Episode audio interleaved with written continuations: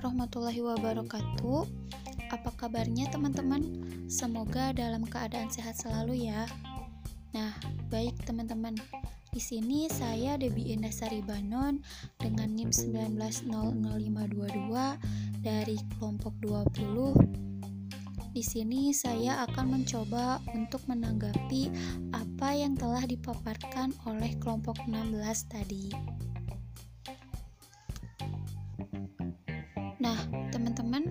Di sini saya akan menanggapi mengenai metode pembelajaran menggunakan fotografi. Menurut saya, hal tersebut baik ya, teman-teman, apabila diterapkan oleh seorang guru, khususnya guru prajabatan. Karena menurut saya, dilihat dari perkembangan zaman, dengan menggunakan serta memanfaatkan perkembangan teknologi sebagai metode pembelajaran dapat ketertarikan peserta didik.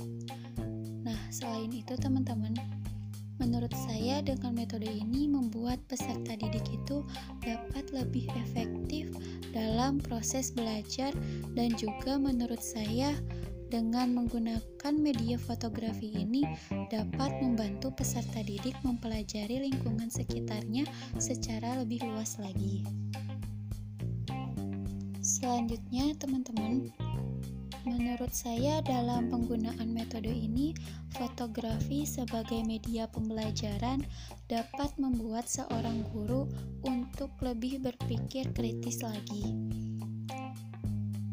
Dan juga Menurut saya, dengan adanya hal tersebut, apabila diterapkan di Indonesia itu memang sangat bagus ya teman-teman.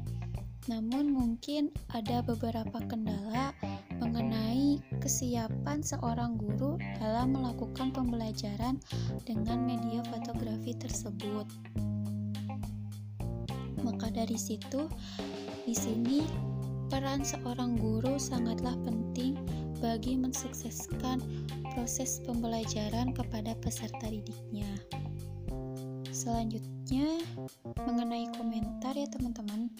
Menurut saya Salindia dan podcast dari kelompok 16 itu bagus, menarik dan rapi.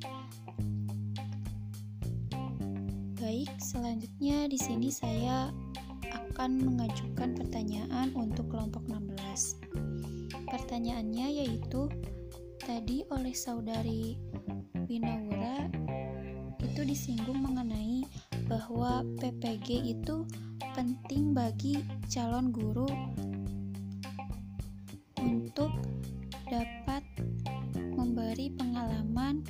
dan inspirasi bagi guru.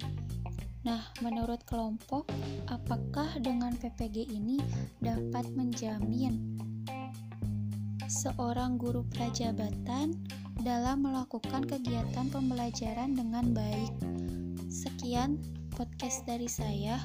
Wassalamualaikum warahmatullahi wabarakatuh.